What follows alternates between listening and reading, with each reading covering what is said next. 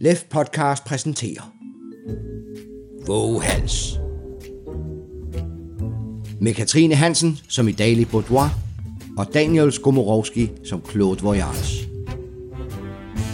Første sæson Museet Endelig lykkedes det Claude og Italy at komme over på den anden side af havet og ud til den ø, hvor huset på stranden ligger. De drager straks mod regnskoven for at følge stien til stranden på den anden side. Men her løber de ind i en fælde sat af Peter von Hess, der også skyder dem begge med terpentin lige i hovedet, så de sendes tilbage til museet. Italy er tæt på at give op, men nu har de atter passeret havet og er på vej mod urskoven. Episode 4 Endelig kommer I frem til skoven, som viser sig at være en regnskov. Der er fuld af liv, svulstig og frodig, og I kan høre, hvordan regnen falder ned på de utallige træers blade. Ikke langt fra jer finder I en sti, der fører ind i skoven. Ind i skoven er det som at gå i regnvejr. Men regnen er farvet. Når dråberne rammer jer, splatter de ud i forskellige farver, så I kommer til at ligne plettede farvedyr. Og selvom vi følger stien, rager mange træer og buske deres grene ud over den, så I må være behendige for at komme uskadet frem. Snille 11. I følger stien et par kilometer og er efterhånden helt farvet ind i regnbuens farver, men denne gang holder I nøje øje med, hvor I går og træder. Mm. Det var ikke længe før I genkender omgivelserne. Det var her, et eller andet sted, I gik i fælde. Det er nu, I skal passe på. Gå lige på knæ. Ja, Jeg holder lige øje med, om der er nogen her. Når jeg, Godt. laver, når jeg laver det her tegn til dig med sådan en hånd, ja, så skal du stå stille og ikke bevæge dig. okay. Men du har også et våben, jo. Øh, Jeg er et våben. Ja, du har der et Nå, jeg har et våben. Ja, Ja. ja det er også rigtigt. for sikkerheds skyld. Ja, Vær parat til at bruge det også. jeg holder øje. Ja, ja. Hvis du ser noget, så husk at give besked også. Ja, I kniber øjnene sammen og spejder ud i regnskoven. Sansetøj. Ja. 20 meter længere fremme får du øje på fælden. Den er igen sat klar til, at nogen kan gå i den.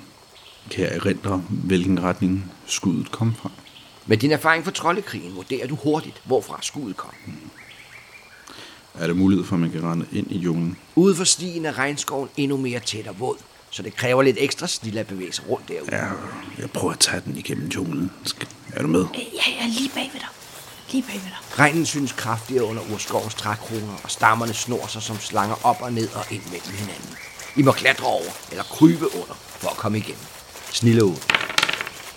I kæmper jer gennem regnskoven, og mens de fleste dyr kryber i skjul for regnen, fester insekterne og ormene i den våde muld under jeres fødder. Klogt. Efter en lille kilometer hører du pludselig skridt og raslende buske nogle meter bag jer. Når I stopper op, stopper lyden også. Når I fortsætter, begynder lyden igen. Er der nogen bag os? Nå, nå, bagved os. Ja. Men, men, men øh, hvad gør en god vagt i det, at råber vi til dem? Det vil nok ikke hjælpe. Nej, men altså, hvem end det er, så ved den person, at vi er her. Ja, fordi I stanser, når vi stanser. Åh, for Og går, når vi går. Ja, vi er opdaget, Vi fik ikke noget ondt. råber jeg. Dit råb runger gennem regnen og slår ekko mod skovens træer. Et øjeblik af regnen silen alt, I kan høre, da en stemme ikke så langt derfra kalder tilbage. Hvem er I? Hvad laver I her? Øh, vi er, vi er blevet sendt ind for at finde et fyrtøj. Nej, fyrtøjet. Fyrtøjet. Ja, er, er det noget, du kender til? Har den djævel sendt jer herind for at hente fyrtøjet? Det, jeg tror, vi taler om den samme person. I samme sekund lyder skuddene, der rekrutterer mod stammerne, og I kaster dem. Syv, syv. Snille fem. Ja, Ja, Skuddene flyver hen over hovederne på jer, henne fra den mørke busk med de store, saftige blade. jeg, jeg skyder tilbage. Du trækker pistolen, tager sigte mod de saftige blade, hvor du kan ane en skygge og affyrer et skud. Sansefjord. Ja, ja. Skuddet rammer, og han banner i smerte, mens han affyrer en salve af kugler tilbage. Snilletop. Behendigt bevæger jeg fra skjul til skjul, og undgår kuglerne, mens I bevæger jer frem efter mod det sted, hvor kuglerne affyres fra.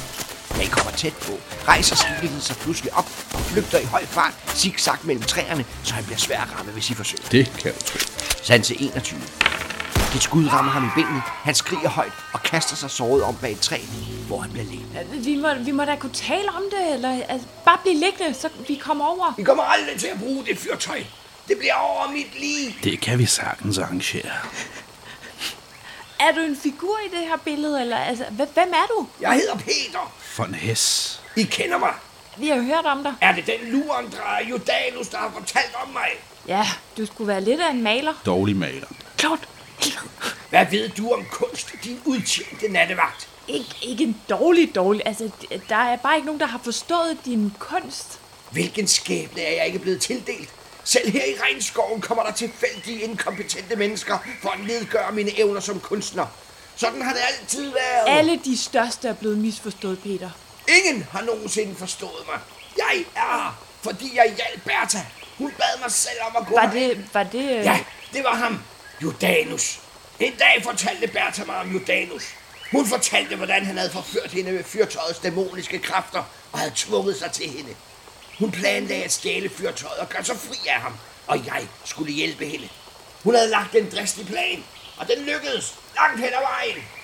Og nu kan jeg forstå, at han har sendt jer herind efter fyrtøjet. ja. Han er en værre en. Men hvorfor adlyder I ham så? Nå, Vi skal fortælle dig en hemmelighed. Men, men du må love ikke at skyde os. Hvad har I dog lavet af aftaler med en dæmon? Ja jo, at vi skulle hente hans fyrtøj. for penge. Vi prøver bare at komme ud af en dårlig aftale med ham. Nu er fyrtøjet i sikkerhed, og det må aldrig, aldrig forlade huset igen. Hva- hva- Er det okay, vi kommer den lidt, lidt hen til dig? Karisma 14. Ok. Kom bare, men uden våben. Ingen våben, Claude. Ingen våben. Jeg bliver her.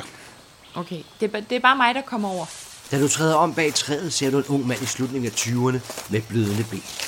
Men trods sin unge alder, ser han hervet ud af mange års ensomhed i regnskoven. Hvad, hvad er det for noget tøj, du har på? Er du soldat? Eller vagt? Ja, Hvad har han lovet jer for at hente fyrtøjet? Jeg prøver at flankere. Mens Idali og Peter von Hess samtaler, sniger du dig rundt om den, for at kunne komme ind fra den anden side. Øh, ja, ja vi er museumsvagter. Vi er nattevagter på det museum, hvor øh, et hus ved vandet. Men hvad har han lovet jer for at hente det fyrtøj? Han kom bare på besøg. Altså, det er vores første nattevagter. Det væltede ind med folk, der ville ind i det her billede, og, og lige pludselig så er vi havnet midt i en eller anden vanvittig aftale om, at vi skal have fat i noget magisk fyrtøj, som bare ikke må forlade det her billede, og dig, der skyder os uden overhovedet at spørge eller have nogen interesse for, hvem vi er, og altså, jeg synes faktisk, du skylder os lidt en undskyldning. Skylder jeg jer en undskyld? Ja, det synes jeg ærligt talt, du gør. Mig, som har været indespærret i denne redsomme verden i alle de år. Er det nu mig, der skal sige undskyld over for nyankomne amatører, der arbejder for en dæmon? I har jo intet at gøre herinde. Det har du da heller ikke. Jeg har alt at gøre herinde. Det var mig, der hjalp Bertha med den forbandede dæmon. Det var mig, der bragte fyrtøjet herind i første omgang. Men hun fortalte mig ikke om vejen. Igen og igen faldt jeg ud af maleriet i mit forsøg på at nå huset.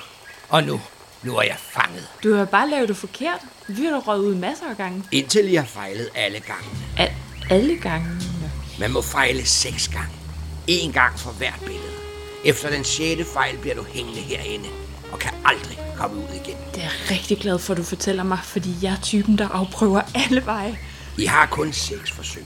Okay, godt. Og lad det fyrtøj være i fred. Ja. Hun var snedig nok. Bertha der. Fortalte Jordanus jer ikke det? Nej. Øhm, kan jeg gøre noget for dig nu? Altså, du har jo tydeligvis ondt. Det er kun et malersår. Det skal nok gå over. Men måske kan vi hjælpe hinanden. Hør her. Hvis jeg hjælper jer, så kan I måske finde en måde at få mig ud af maleriet på. Altså, når I er kommet ud igen, mener jeg. Ja? I skal bare love mig at lade det fyrtøj være i fred. Okay.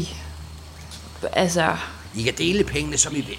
det ville da være udmærket. Jeg kan alligevel ikke komme ud, som det er her. Det synes jeg lyder som en god løsning.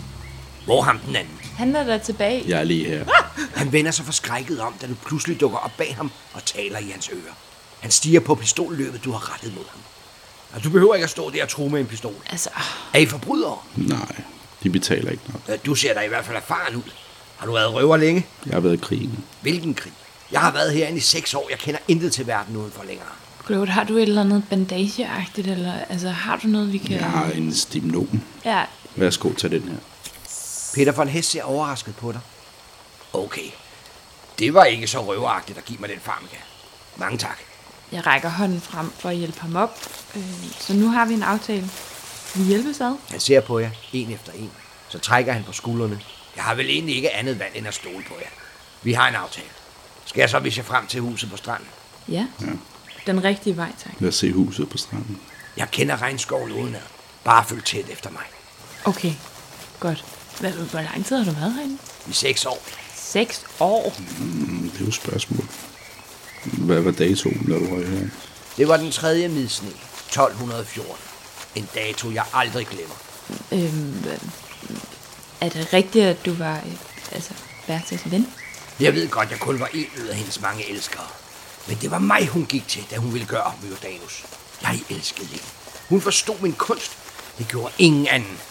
De hånede mig bare af ren jalousi, sagde hun ofte. Oh, ja. Jalousi mellem kunstnere, det kan være noget af det grimmeste. Ja, og vi havde haft hinanden i dag, hvis det ikke havde været for den djævel til Jordanus. Okay, Jeg så, hvordan Jordanus udnyttede Bertha. Hvordan han stjal hendes hjerte og legede med det. Ja. Så da Bertha kom til mig for at få hjælp til at komme ud af dæmonens klør, var jeg offervillig. Jeg gemte mig i hendes soveværelse og fiskede fyrtøjet ud af dæmonens lommer, mens de lå og havde sex. Bagefter gav jeg det til Bertha, og hun brugte det til et eller andet. Men så fik jeg det tilbage igen med den opgave at gå ind i maleriet og give fyrtøjet til havjæren, der så ville bringe det til huset på stranden. Hun ville senere komme og hente mig ud igen. Men da jeg mødte havjægeren, fik jeg det indtryk, at jeg ikke kunne stole på ham. Så jeg besluttede selv at bringe fyrtøjet til huset på stranden. okay. Uden hun vidste det. Jeg kunne jo ikke fortælle hende det. Ja, det er klart. Hmm. Hvorfor snakke sammen? Hun var der jo ikke. I min iver for selv at aflevere fyrtøjet i huset på stranden, halsede jeg rundt og faldt konstant ud af maleriet. Igen og igen. Mm. Indtil min sjette fejltagelse. Så hang jeg fast. Det var godt nok også uheldigt. Jeg tænker, man kunne lave så mange fejl alligevel. Jeg så hende aldrig igen. Hun kom aldrig tilbage ind i maleriet. De første, jeg ser fra den virkelige verden, er jer to. Men øhm, er der noget, vi skal vide? Er der et eller andet, vi burde spørge ham Peter om? Har du været hele vejen ind i skattekamp? I huset?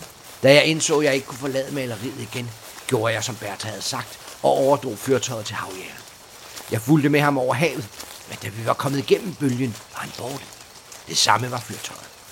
Så nej, jeg har aldrig været indenfor i huset. Men jeg har stået udenfor og kigget ind gennem vinduerne. Jeg har set fyrtøjet derinde, og Bertha fortalte mig, at der skulle være et rum fuld af mønter med mange hundredtusind vejmarker. Hvad med fyrtøjet? Hvad kan det? Fyrtøjet! Mm. Ja, hvorfor er det her? Jeg ved ikke nøjagtigt, hvad det er, men det var det redskab, Jordanus manipulerede med Bertas følelser. Har du ikke prøvet det? Nej, jeg skal ikke røre det fyrtøj med en lille tang. Du kan aldrig vide, hvordan det vil påvirke dig. Mm. Lad det fyrtøj være i fred. Mm. Okay. Man kan ikke bare sådan komme ind i huset på stranden. Det er bevogtet af en frygtelig magt. Obersten. Obersten. Hvilken oberst? Er Obersten en ven? Obersten er streng. Han er streng. Han er overvågen og tillader ingen at nærme sig huset. Kan han charmeres? Tag ikke fejl af ham. Han er professionel. Men, men du lykkedes dig charmere om for at komme ind til pengene eller hvad? Jeg har flere gange forsøgt at komme ind i huset på stranden, men den lektie har jeg lært. Obersten ser alt, han hører alt, og slår hårdt ned, hvor han møder indtrængere. Ja. Men det har lykkedes mig et par gange at komme tæt nok på, til at kunne kigge gennem vinduerne. Det er alt. Jeg synes altså, vi skal gøre en indsats for os at finde det der fyrtøj. Finde det, men ikke tage det med. gå ud Nej, nej, fra. nej, nej. Bare finde det. Se, hvad det kan. Ja. Det kan jo være, man kan bruge det til. Hva- Hvad? Nej, nej, nej, nej. Hør I ikke efter. I må hverken tage eller bruge det fyrtøj. Det er årsagen til alt det her. Det vil aldrig bringe noget godt med sig. Ej, Vi visker med hinanden, mens I følger Peter von Hesfods spor gennem skoven. jeg synes, vi skal finde ud af, hvor det er. Hvad vil du med det fyrtøj? Bare se, hvad det kan. Ja, det er meget smart at have på hånden. Du har da ikke lyst til, at, at han, han, han, han dæmon render rundt med et magisk fyrtøj, der kan Jeg vil da ikke give det til ham. Jeg synes bare, vi skal finde det. slække på mine penge, så er de glade. Okay. Hvad gør vi med den oberst der? Tag ham ud. Han er jo ikke levende jo. Det virker som om, det er dit svar på rigtig meget, rigtig hurtigt, Claude. Sådan er krigen jo. Hvis du er i krig med nogen, så tager du dem ud. Og det er jo lige meget, om du binder dem, eller om du tager dem ud med en kugle. Okay, så, så tror jeg måske, at vores billeder af virkeligheden skiller sig lidt fra hinanden. Men Du har heller ikke prøvet de ting, som jeg har prøvet. Nej. Du har ikke set døden i øjnene hver eneste dag. ej, der, det var ikke så vilde ting, der skete i parken. Det vil jeg da godt. Ja, den pakke, jeg lå i, der kom der tætteri. Du så dine venner blive sprængt i stykker lige foran dig. Og hvad gjorde du så? Du tændte din cigar, røg videre, gjorde alt for at hævne den. Uh, Det ja, er klogt. sådan, mit liv var. Godt. Så må vi hellere gå videre. Så er vi fremme, læser Peter, og i samme øjeblik træder I ud på den hvideste strand, så langt øjet rækker til begge sider. De blå, blå bølger glider kælen op ad sandkysten, og kun 40-50 meter fra kysten ligger det smukkeste lille fine hus. Det er hvidt med azurblåt træværk. Haven er lille, men yndig, og omringet af et lavt, fint hvidmalestakit. Jeg tænker på, at vi prøver at holde øje med huset. Ja, Se obersten. ja. og så må vi tage den derfra. Observere først, og så bagefter kan vi udføre... Jeg kan lige planen. Ja, observer først. Vær på vagt for obersten. Han er nådesløs. Øh, hvordan, øh, hvor er han henne? Det kan man aldrig vide. Han er som en usynlig, sniger sig rundt og holder øje. Pludselig dukker han op fra en blind vinkel, gemt bag en stol, en sten, et bord eller skjult bag en dør. Altid er han der, nidkært klar til at pågribe dig. Han er magisk. Det vil ikke undre mig, om han er magisk. Han er i alle tilfælde farlig. Øh, Har du kun mødt ham inde i huset, Peter? Obersten er yderst professionel. Han patruljerer rundt om huset. Okay. Er der noget sådan, man kan gemme sig lidt i, eller er det bare strand? Der er strand og hvidt sand helt op til klitterne, hvor siv og stikker rens i svejer svagt i den blide brise. Men det ligger langt fra huset. Det gør det jo lidt mere vanskeligt. Det gør det. Altså, skal vi ikke overtale ham Peter til at gå med? Så kunne han på en eller anden måde være sådan en maler. Hvad siger du, Peter? Mæle! Hvad tror I, det her det er? En hyggetur i campingland? Obersten er en farlig vogter, der angriber en vær, som prøver at komme ind i huset på stranden. Ja. Og fanger den, ja. Vil den uden at tøve sikre sig i Forsvinder herfra. netop? Jeg er blevet fanget af Obersten og mærket hans bid. Blev bit? Bebit øh. af... Af Obersten naturligvis. Hans bid fører dig direkte ud af maleriet. Medmindre du er fanget ligesom jeg. Så lider du i smerte i mange uger, før det går over. Er obersten en hund? En frygtelig, blodtørstig grav. En gravhund. Oh. Hunde, jeg elsker dyr. Fantastisk. Så må den jo kunne bestikkes med et eller andet. Øh, har vi ikke noget mad? Har vi ikke et eller andet lækkert, den kan få? Jeg har ikke noget på mig, men en pen. Plejer hun ikke at løbe efter pinden? Det, det er virkelig, det er virkelig godt tænkt. Jeg har min øjeblik. Den bevogter hele huset, mm. men i særdeleshed bevogter den fyrtøjet. Tænde vokslyset med fyrtøj. Eller hvad? Perfekt. Tænde vokslyset. Du har ikke prøvet at tænde vokslyset? Forstår I da ikke, det er et dæmonfyrtøj? Hvem ved, hvad der vil ske, hvis du bruger det?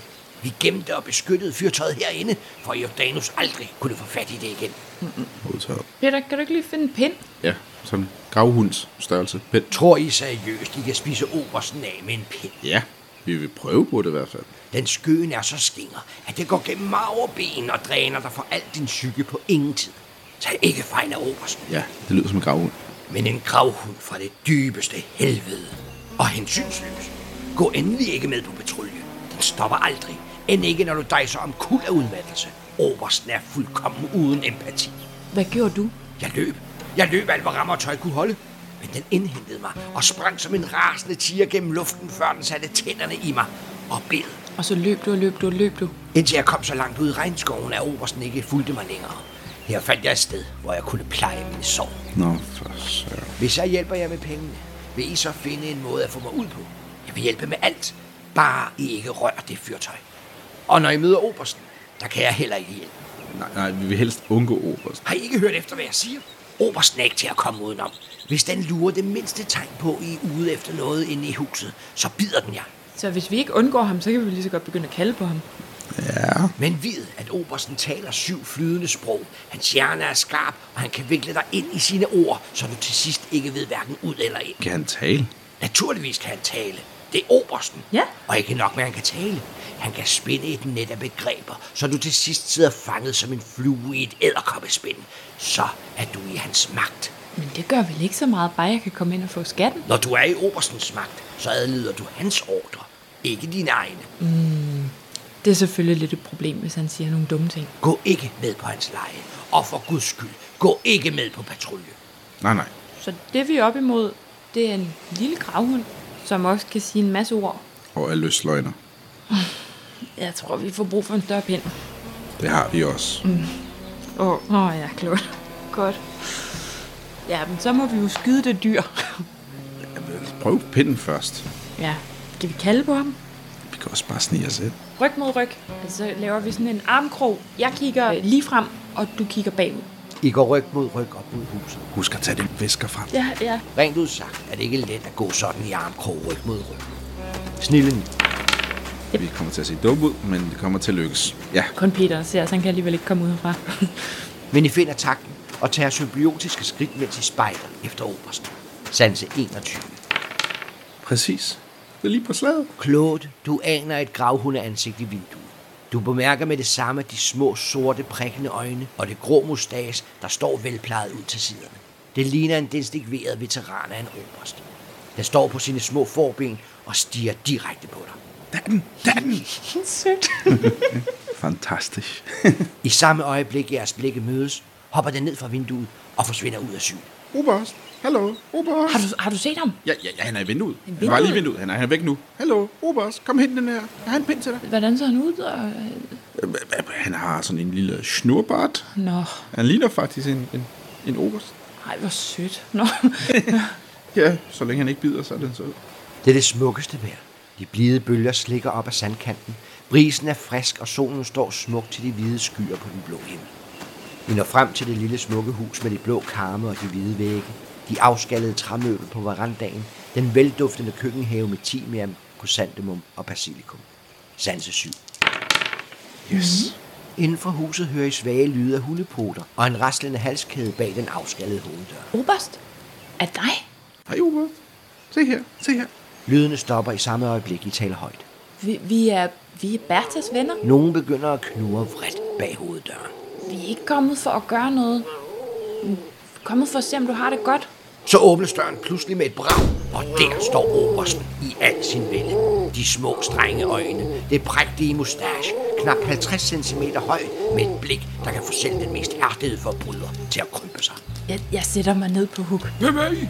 Her får obersten vredt. God aften. Vi er... øh, Vi kommer udefra, ligesom hende den redsomme dame, der prøvede at komme ind i huset for kort tid siden. Hva? Svært imod. Er I 20 knægte ligesom hende? For i så fald, så bider jeg jer. Vi er de nye nattevagter, der passer på Bertas billeder. Nattevagter, Ja. der passer på malerier. Ja. Ja.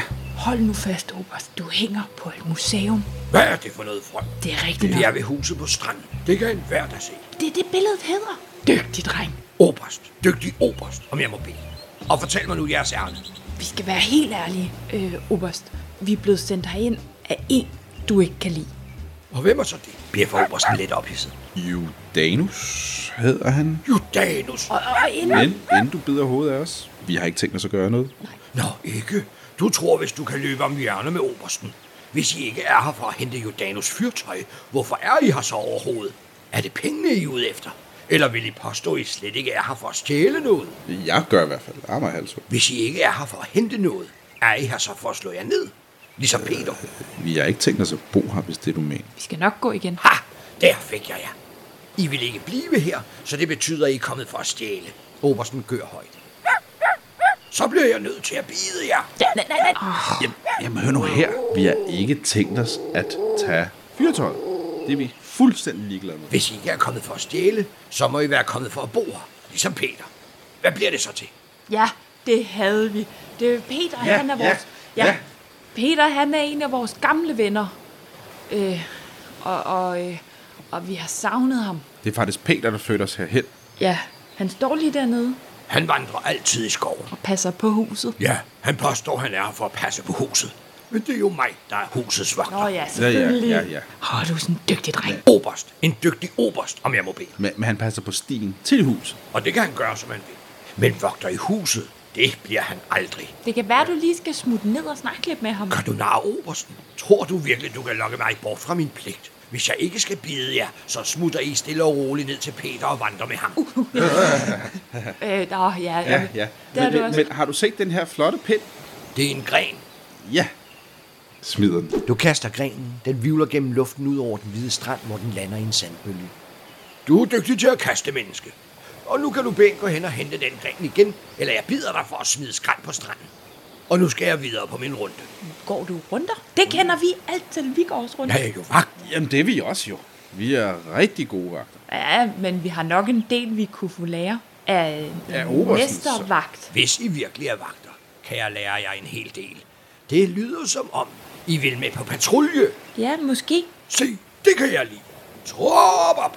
På række. Ja, tak. Ja, jeg vil. Skynd dig, Claus. Så retter Obersten ryggen, strider med halen, løfter hovedet og marcherer fremad. Marcher! Hvorfor den med en officers autoritet? Af og til vender den hovedet og ser, om I kan følge med. Ja. Hvis I gør noget forkert, retter den på jer. Okay. Det kræver stor disciplin at følge med. Sindshold. Men det er også fysisk udmattende. Fysik 10. Ej, nej, nej, nej, nej. Jeg fumler den. Efter en times marchering kan din krop ikke følge med længere. Du bliver langsom, og pludselig falder du over en stol på terrassen. Au, for fanden. Au, Er, au, er det i au. orden? Ja. Det er fuldkommen urelementeret at opleve den slags sløseri i geledet. Nej, undskyld, undskyld. Jeg lover, jeg gør det bedre. Jeg går bagerst nu. En chance til. Det er ikke for pattebørn, det her. Tusind tak, Oberst. Tu, jeg har virkelig lært meget allerede nu. Tropper. På række. Marcher. Høj, to, høj, to, høj, to, høj, to. Sæt 10. Jo. Fysik 6. Den fortsætter med at marchere, og I følger med minut efter minut, time efter time. Efterhånden bliver skyggerne lange, og solen ligger lavt over horisonten over vandet og lyser op med sit smukke røde lys. Det summer i jeres ben, og jeres fødder gnaver i skoen. Det synes, som om obersten vil marchere i en evighed. Det er klart. Jeg, jeg tænker på, at vi prøver at finde ud af, om den har en bestemt rute, den forholder sig til kun, om sy- der er systematik i det, eller om han skifter lidt. I har gået den samme rute igen og igen. Rundt om huset, over verandaen, ud gennem urtehaven og tilbage igen til stranden. Bliver den mindre opmærksom på os? Nej, Nej. Obersten er overvågen og vakser. Med faste intervaller vender han hovedet og holder øje med ham. Kan vi se noget ind over ruderne? Der er rig mulighed for at kigge ind gennem vinduerne til huset, men I må være forsigtige, hvis ikke Obersten skal opdage det. Gud, det er dig, der skal gøre det, for jeg har kun én chance tilbage. Jeg skal prøve mit ypperste. Snille fem. Ja. Nej. Køkkenet er et idyllisk gammelt bondekøkken med kogeø og vandpumpe, men der er ingen porcelæn i skabene eller bestik i skufferne. Køkkenet er aldrig blevet brugt. I soveværelset står en ret seng med et gyldent sengetæppe, men det er alt, hvad der er. Intet natbord, ingen skabe, ingen kommoder. I spisestuen står et spisebord med seks stole, og nogen har dækket op til seks personer med tallerkener, højstilkede glas og bestik. Midt på bordet står et sølvfad med noget, der ligner en steg. Men da du ser ordentligt efter, opdager du, at det er et bankende hjerte, hvor blodet stadig pumpes ud og driver ned på sølvfadet. Der er et øh, hjerte, der banker på spisebordet. Og der er sat op til seks personer. Og jeg har lyst til at kaste op. Det lyder vanvittigt. Du kan også se døren til det fjerde rum. Det må være det, der er det aflukkede rum uden vinduer. Skal vi bede om en pause? Og måske komme ind i huset? Herr Oberst! Høj, to, høj, to, høj. Herr Oberst! Obersten standser op og vender sig mod dig. Vi er lidt trætte. Vi er jo kun mennesker. Vi kan ikke blive ved med det her. Kan vi ikke lige få en lille pause? Pause? Ja. Pause? Har man hørt mage? Og I kalder jer vagter. Hvis I ikke kan gå på patrulje, så er I ikke vagter. Og er I ikke vagter, så er I 20 knægte. Og er I 20 knægte, så bider jeg jer. Nu er det op til jer. Trop op. På række. Ja. Marcher. Øj, to, øj, to, øj, to, øj, to. Så fortsætter han patruljen med endnu større engagement og iver end før. Fysik 8. Ja. Kan, kan, kan vi ikke lige gå ind i huset og holde øje med, om alting er der? Obersten stopper igen op og vender sig. Den stiger på dig med sine små sorte øjne og træder helt frem til dig, så den stiger ind i dit skinneben. Mini nummer to. Gentag. Vi vil holde vagt ind i huset. Inde i huset. Det er måske ikke så dumt at dele opgaverne imellem os. Nu når vi er flere. Karisma 21. Ja, lige præcis. God idé. Så går I patrulje ind i huset, mens jeg går patrulje udenfor. Ja, selvfølgelig. Og nu ikke noget med at tro, man kan narre obersten. Ikke noget med at stjæle og rør ikke hjertet på spisebordet. Nej, vi så godt, du havde dækket. eller, Jeg mener, ja, nej, selvfølgelig ikke. Hvem er middagen til? Obersten ser nedladende på dig. Det er ikke en middag. Det er et dæmonhjerte. Nå, Så tager den af dig fat og fortsætter sin patrulje med rank ryg og små strakte ben. Øj, to, øj, to, øj, to. Øj, jeg tror, vi skal være rigtig forsigtige med, hvad vi gør nu. Ja.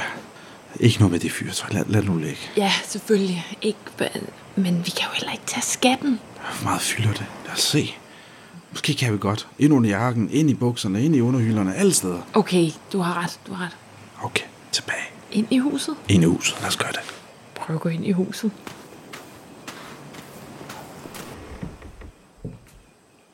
Havvinden fylder husets rum med duften fra stranden.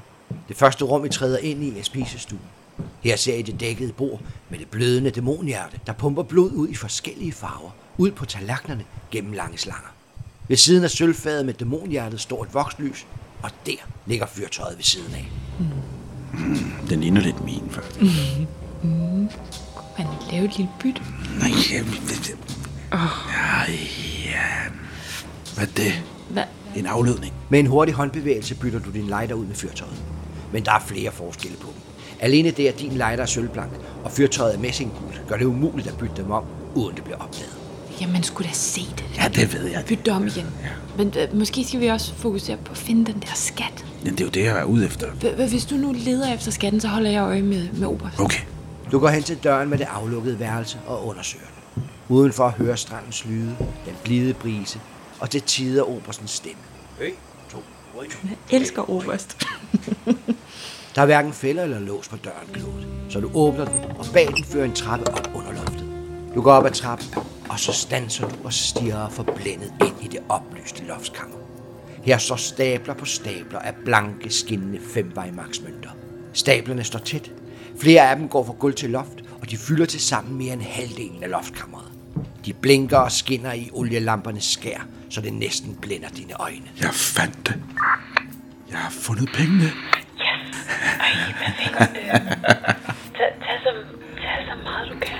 På en række mindre møntstabler foran ligger en lille notesbog. Jeg kigger ind i bogen. Der står blot en enkelt rite på bogens første side. Og nu du ser nærmere på den, ligner den nøjagtigt den, du fandt foran maleriet hjemme på museet. Okay.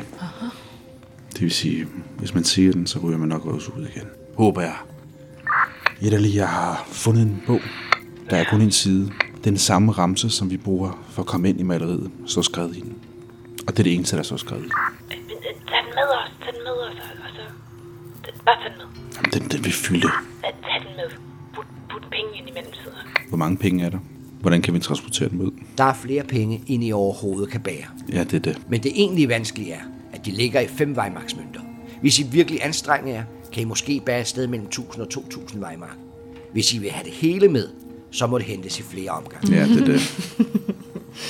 Det er just præcis det. Jeg begynder at fylde så mange penge, jeg kan.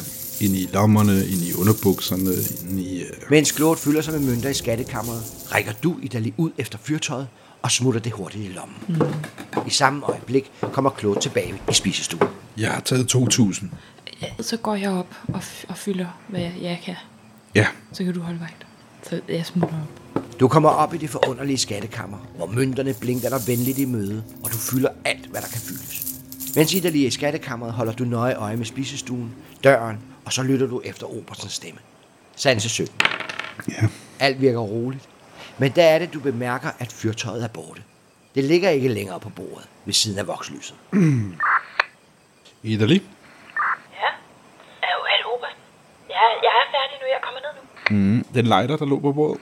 Så Du går ikke lige så godt igennem lige nu. Jeg kan ikke lige høre, hvad du siger. Jeg kommer lige ned. Hun kommer ned. Snart efter vender Idali tilbage til spisestuen med 400 klingende mønter skudt på sin krop. Og ser helt uskyldig ud. Er der noget, der mangler på dette bord? Ja, var, var der ikke en lighter på et tidspunkt? Øh, jo. Det var da mærkeligt. Hold nu op. Det kan ikke være Obersten, der har taget den, vel? Nej, jeg har jo stået og holdt vagt. Det er da underligt. Er du sikker på, at du ikke tog den der, da du byttede rundt? Det eneste, jeg har, det er den her. Kan du se? Så ved jeg ikke, hvad der er sket. Jeg står i to laver. Lyder Obersens stemme pludselig bag jer. Vi, vi er på vej ud for at fortsætte runden. Kan vi sige det der? Ja, øh, la- lad mig lige holde din hånd. Jeg har, jeg tager fat i Claudes hænder. Obersten knurrer og træder lidt tilbage som tokende til. I en fart griber I hinandens hænder og fremsiger rigen.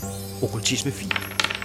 I siger ordene rigtigt, men der sker ikke noget. Nå, I er afsløret. Knurrer Obersten. I prøver at flygte, og når man prøver at flygte, så er I 20 knægte. I tog fejl af den rite. I ved jo ikke, hvad det er. jo jo, den skal bruges for at komme ind. Ja, til at komme ind. Men I sagde den, fordi I troede, den ville føre jer ud. Ikke sandt? Ja. ja, ja. Du indrømmer det. Så bliver jeg nødt til at bide jer. Og hvis I tæller efter, vil I hurtigt finde ud af, at mit bid bliver jeres sjette fejl. Og så bliver I herinde og deler skæbne med Peter. Men vi vil virkelig gerne hjem nu, fordi vi er så trætte. Det skulle I have tænkt på, inden I begyndte at stjæle. Så du siger, at vi ikke kan komme hjem nu? Fortalte Peter ikke, at mit bid ville blive jeres sidste fejl? Nej. I kunne jo også selv have talt efter. Straffen står klar. Spørgsmålet er, om I vil overgive jer frivilligt, eller om jeg skal ydmyge jer i en kamp først. Godt, jeg tror lige, vi skal ud og finde Peter og have et alvorsord med ham så. Nej, jeg tror, at vi skal tænde det lys. Jamen, vi skal sgu da væk herfra, inden vi kan gøre det. Tag lyset, og så går vi. Nej, bare tænd det, når, når, når jeg siger tre. Okay, okay. En, to, Jeg prøver at tænde et lys. I en fart trækker du fyrtøjet op af lommen og tænder. I samme øjeblik lyder der en voldsom gøen fra obersten, der springer i en bue mod dig med tænderne i bid. Nej. Snille 16. det kan du godt. Ja. Du flytter dig i en fart. Obersten flyver forbi dig, men da den når væggen, skubber den ud med bagbenene og sætter afsted i et nyt angreb mod dig, Italy. I det øjeblik ser du dit snit til at skyde mod den kloge. Det kan du. Du trækker pistolen og skyder. Salse 5. Ja, ja. Du rammer obersten midt i den spring. Den falder til gulvet, men kommer hurtigt på benene igen. Den ser bredt op på dig, og så springer den mod din stue. Den skøen er så skinger, at det løber er koldt ned ad ryggen. Sæt 15 eller mist en syg. Brug en kraft. Mister en sgu en psyke. Skal du bruge øh, noget? Eller har du? Jeg tror, det går nu. Jeg har psykonom, hvis du skal være. Okay. Ja, ej, det går. Bjef, du bare videre. I et øjeblik standser obersten op. Den er tydeligvis i tvivl om, hvem er den skal angribe. Løb den anden vej, Claude. Du griber momentet, Italy, og beordrer Claude den anden vej rundt om bordet. Sæt 11. Ja, ja. Med et enkelt blik til hinanden forstår I planen, og I løber rundt om bordet i hver jeres retning. Fysik 16. Yes. Øh, en lille kraft. Så kan jeg godt. Obersten bliver forvirret. Den tager en hurtig beslutning, og det ender med, at den løber efter... Klogt. Den går lige efter struben. Fysik 14. Ja. Du kaster dig bagud og undgår Oberstens skarpe tænder med få centimeter. I det øjeblik har du i dig lige muligheden for at gøre noget uforstyrret af Obersten. Ja, altså, er det lys, eller er det hjerte, jeg går efter? Gis, hvad sker der, hvis vi gør noget med det hjerte der? Det er måske selve kraften til hele maleriet. Det er... Ej, vi går efter lyset, ikke? Jo. Ja. Jeg gør alt, hvad jeg kan for at tænde lyset. Men dine overvejelser har trukket tiden ud. Obersten er der på alle fire og springer mod din hånd med gabet klar til bid. Snille 21. Åh, oh, jeg er på 14. Er der noget, jeg kan give dig? Og så jeg kan få 3 selv, så så er jeg på 17. Hvad er det, du skal have? Så skal jeg bruge 4. Uh, enten kraft, pep-tablet. Jeg har to pepsi-billetter. Har du det? Ja. Jeg Kan- kan give dig den ene. Den ene af dem. Ja. Så kommer jeg op på 20. Jeg kan give dig to. Det kan man ikke, kan man det? Nej, det er rigtigt. Men har du ikke en selv? Øh, jo, men har jeg omrul? Snille? Jeg er heldig. Nej, det gør jeg. Det gør jeg først. Godt. Okay, øh, 17, 20. Så hvis du kan give mig en, så har jeg den. Her, tag den her pepsi-billet. Klogt, du kaster en peptablet gennem spisestuen, som du griber i munden, Nidali, mens du i ufattelig hast tænder vokslyset, endnu før Oberstens skarpe tænder sætter sig i din hånd. Vokslyset flammer op og udsender en voldsom, unaturlig varme, der får omgivelserne til at smelte. Obersten falder til gulvet, forsøger at komme på benene, men piver, da bagbenene smelter bort, og det smukke mustache løber ud som voks på et lys i træ. Undskyld, Oberst. Træd af. Vi laver honør for Obersten. Gulvet begynder at skyde. Obersen, spisebrød og I selv begynder langsomt at synke ned igennem. Alt flyder sammen til en flydende, mangefarvet maling i en stærk, altomsluttende virvelstrøm. Fysik nu. I kæmper for at holde jer op over overfladen, men farten i virvelstrømmen tager til og gør det endnu sværere at holde sig oven vand. Fysik 12. Når du det? Du mister en kraft. Ej, jamen, jeg har ikke flere kraft. Jamen, øh, ja, ja, Italy mister bevidstheden, Jeg tror ikke, jeg kan mere, Claude. og du ser, hvordan hun glider ned under overfladen og forsvinder ud af syn. jeg tager en dyb indånding. Og så svømmer ned. Fysik 12. Så så tager den sidste pepsi-billet. Du prøver at dykke efter hende. Du kan intet se, men igen kommer din krigserfaring dig til gode. Du navigerer dig frem, får fat i Italy og forsøger at svømme op med hende. Fysik 5. Øj. Akkurat ikke. Men virvelstrømmen er for stærk. Du kan ikke komme op og bliver i stedet trukket ned efter sammen med Italy, til du mister bevidstheden.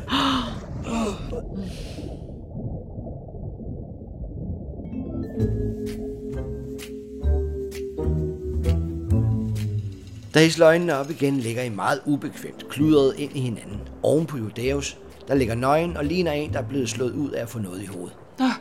Øj. Øh. Hvor... Hvad skete der? lyder det under jer, da Jordanus kommer til sig selv. Er det jer? Han vrider sig ud og kommer op og stå. Så holder han sig til hjertet med begge hænder. I gjorde det! Hva... Hvad gjorde vi? I bragte mit hjerte tilbage. Tak. Mange tak.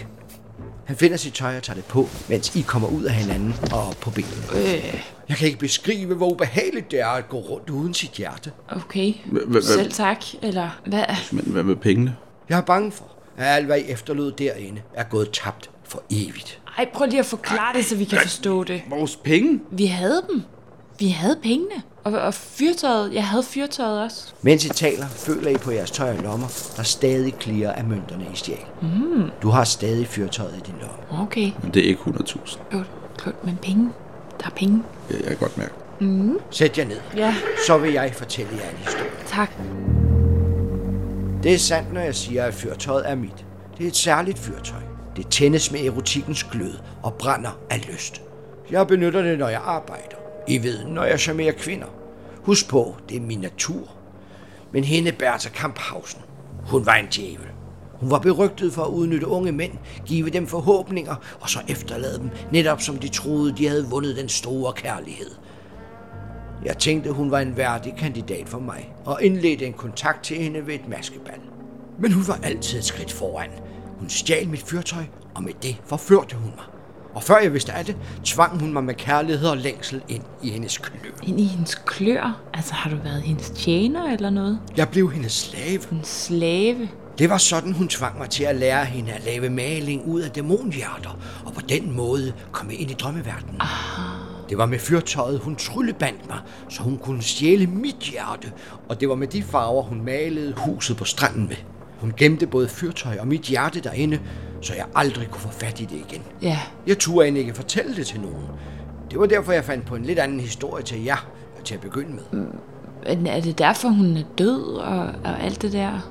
Nej, nej. Nej. Hendes død skyldes den grusomme troldmager Øsman Øsen. Hun døde under hans dødningeangreb på byen Kitadel i Kurien. Men det var et rent tilfælde. Nå, men i flere år forsøgte jeg at udtænke en plan om at få mit hjerte tilbage.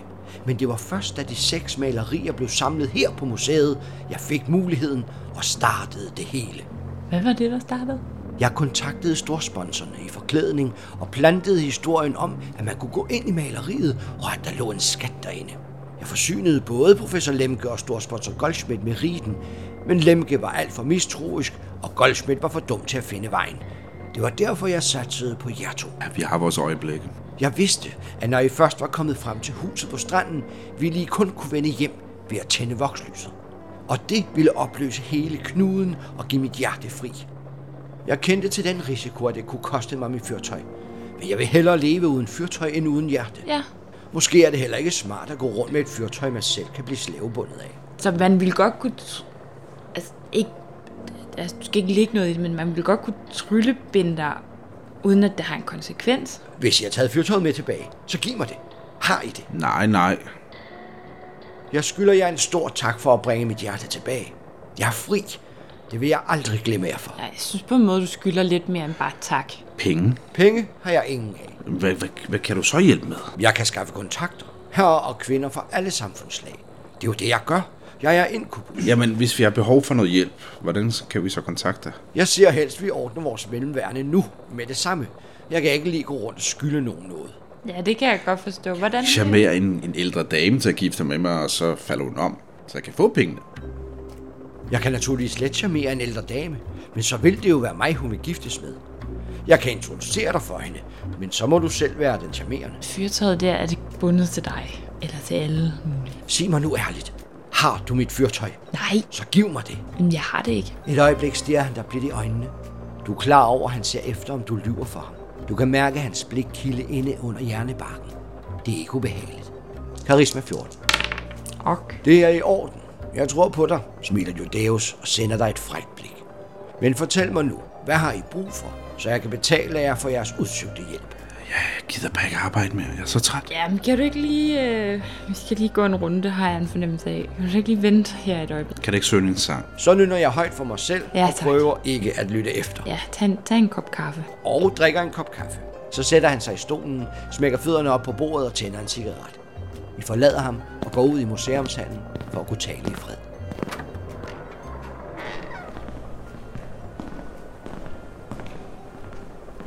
Er det her slut? Altså, at, at, at vi færd, er billedet... Tror du, vi kan komme derind igen? Og, og Jamen, er maleriet der? Jamen, øh, kan vi lige gå derop? Ja. Godt, den smutter lige op på anden. Klokken er 10 minutter i 5 om morgenen, og regnen havler stadig ned over museet, da I sammen vandrer tilbage til Kamphausens samling. Men hvilket syn møder jeg jer ikke der? Malingen på samtlige seks malerier er flyttet totalt sammen i usammenhængende farvemasser. Malingen er stadig våd, og nogle steder løber det ned over rammen. Det er i hvert fald ikke en forfremmelse, vi får efter i aften. Øh, nærmere en fængselsstraf. Jeg har lyst til at... Og nu siger jeg det, som det er, Claude. Og jeg, jeg ved ikke, hvorfor jeg er så ærlig over for dig, men jeg synes alligevel, vi har været meget igennem sammen. Jeg har lyst til at trylle ben ham nede i den kaffestue. Jeg kunne godt bruge noget... Jeg, jeg ved ikke, hvad det er. Noget magt? Ja, nu er jeg ikke efter magt, men efter penge. Men med magt følger penge. Præcis. Ja. Vi kan jo noget. Lad os gå ned. De vil prøve. Ja. Ej, jeg ved ikke, hvordan man gør. Ved du, hvordan man gør? Men tænderne vel? Okkultisme 9, Ja, Ja, ja. som Claude så intuitivt foreslog, man tænder fyrtøjet. man tænder den. Lad os prøve.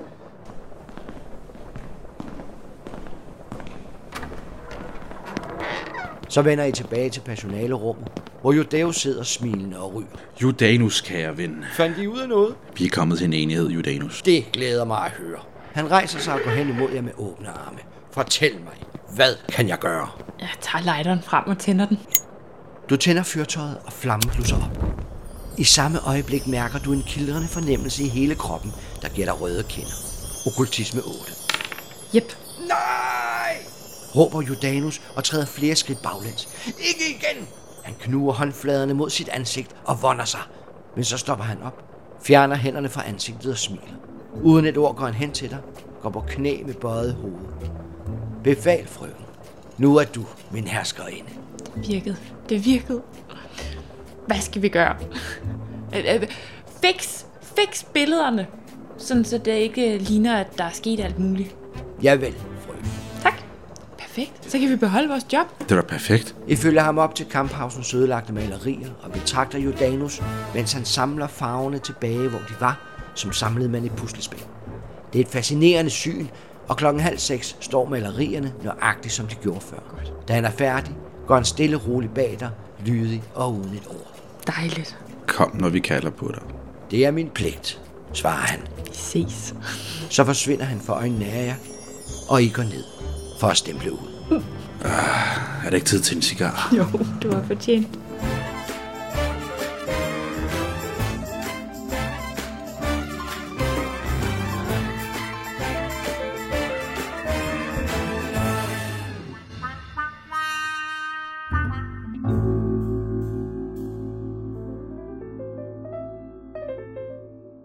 Hov, lige et øjeblik. Der er ingen grund til at holde op med at lytte til Lef Podcast. Vi har masser at byde på. Hør her.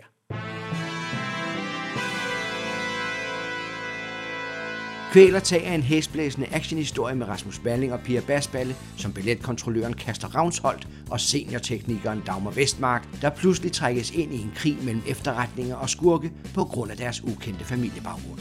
Det er en historie, der fører dig geografisk og teknologisk vidt omkring i Valhæl, der er den verden, historierne fra Lef Podcast foregår i.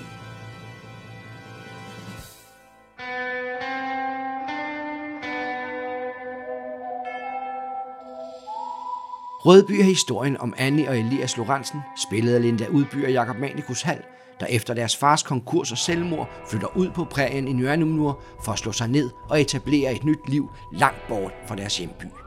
Men det viser sig hurtigt, at Rødby rummer mange problemer, og de to søstre kommer pludselig til at stå i centrum af begivenhederne. En rørende og uhyggelig okult westernhistorie.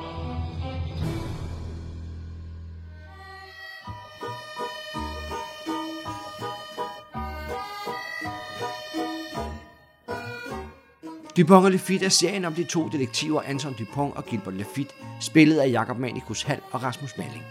Hør om deres opgaver og nyd deres noget intense personlige forhold til hinanden. En rørende og ikke mindst spændende historie fra livet på gadeniveau i hovedstaden Vejheim. Der er lige nu tre sæsoner af Lafitte og Dupont, men der kommer yderligere to til.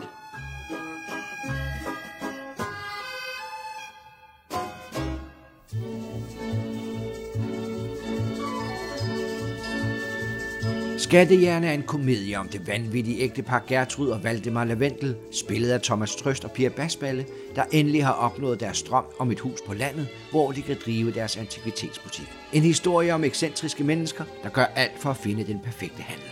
En historie om snyd, fup, skråt og skatte i antikvitetshandlernes verden.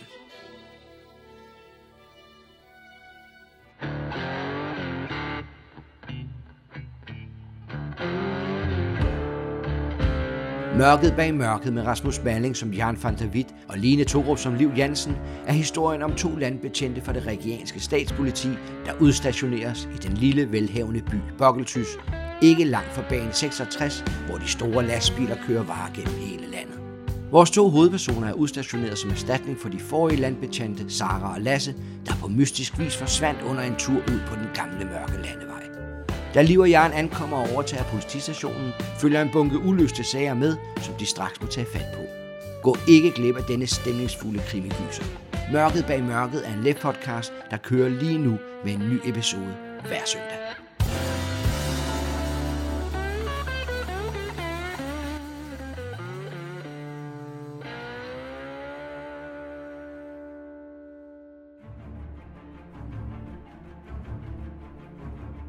Jernport er historien om to drenge, Vincent Bosum Henriksen som Castro So og Hannibal Kohnberg Bilgrav som Basil Lavalier, der af forskellige årsager er kommet til Jernport for at blive heksejæger. Det er historien om, hvorfor nogen vælger at blive karnefixer i en moderne verden, og hvad de lærer og udrustes til på karnefixernes skole og hjemsted, Jernport. Lige nu kan du høre første sæson, men der kommer i alt fire sæsoner, en for hvert år på skolen.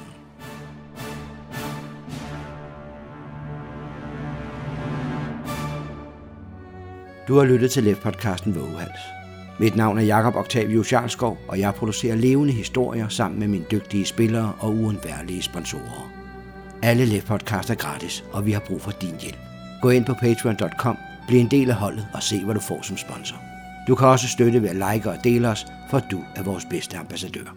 Vågehals er produceret af levende eventyr og fantasi. Find os på lefnet.dk.